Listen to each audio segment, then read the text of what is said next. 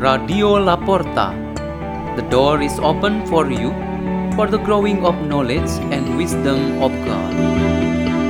Delivered by Margareth Sembiring from St. Francis of Assisi Church in Singapore and Jason Christopher Stedy from St. John Bosco Church in Jakarta, Indonesia.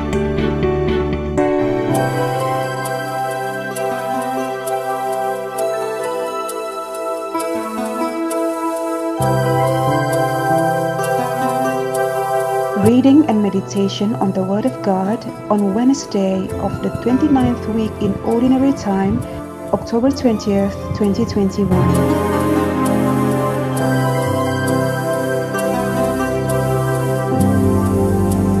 from the letter of St. Paul to the Romans.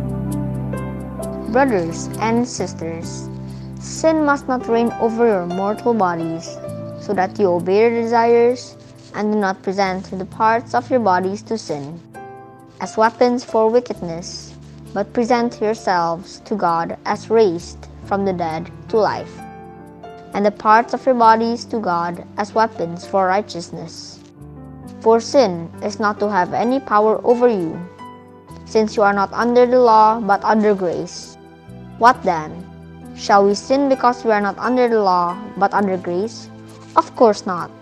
Do you not know that if you present yourselves to someone as obedient slaves, you are slaves of the one you obey, either of sin, which leads to death, or of obedience, which leads to righteousness? But thanks be to God, that although you were once slaves of sin, you have become obedient from the heart to the pattern of teaching to which you were entrusted. Freed from sin, you have become slaves of righteousness. The word of the Lord.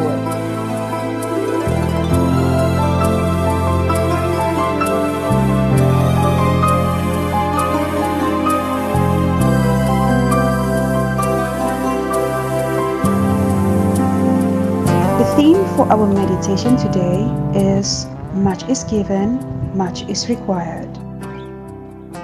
There was a priest who shared a story from his vocation journey which was very interesting for him. When he entered in the minor seminary for the first time, he was so impressed with a priest, one of his teachers. The priest held many keys, from the food store room to the laboratory room, from the equipment store room to the library, from the sacristy to the audio visual room. He had the key to almost every door in the seminary. The newcomer once asked his guide and mentor why he held so many keys. The answer eventually he got was because he was given much. Also, much was required from him. He had a lot to do with the keys in his hand. The priest was truly a role model for the students because he had many talents and he could do anything. The seminary put much confidence in him and everything proved to be well done by him. This illustration reflects the proclamation of the gospel today, especially on the last part of the passage. The subject of Jesus' teaching is still about preparedness of the servant, who, in every moment of his life, is obliged to follow the rhythm and will of the Master. We put ourselves in this way because we are God's servants who want to pattern our lives in the following of Jesus Christ, our teacher. Each of us looks at ourselves and reads carefully about our calling to follow the way and will of God.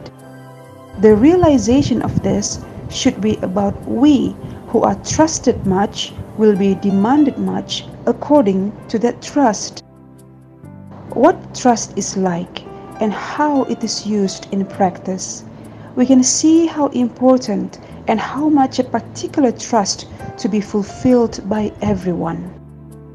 St. Paul's letter to the Romans in the first reading confirms that trust is manifested in the grace given to everyone who believes and who is faithful to Christ. every believer surrenders himself to be used by God, namely, each one is given a gift. The real manifestation of that gift is to be seen in everyone's calling, profession, service, work, and mission. The gifts as husband and wife or parents are required for a dedication, and these demand responsibility from this special calling. This demand is, of course, much greater than the gifts of a child. The gift of priesthood to a parish priest requires responsibility greater than his parishioners. Teacher bears greater responsibility than his students. Elder brother is required more and has greater responsibility than the younger siblings. This list for sure will be long. For us, the realization of these demands will surely develop our worthiness and maturity that eventually open for us the way of salvation in the kingdom of God. Let us pray. In the name of the Father, and of the Son, and of the Holy Spirit. Amen. O most loving Father, strengthen us in every calling and service that we do as a way to form us to be your good servant. Glory be to the Father, and to the Son, and to the Holy Spirit, as it was in the beginning, is now, and ever shall be, world without end. Amen. In the name of the Father, and of the Son, and of the Holy Spirit. Amen. Radio La Porta. The door is open for you.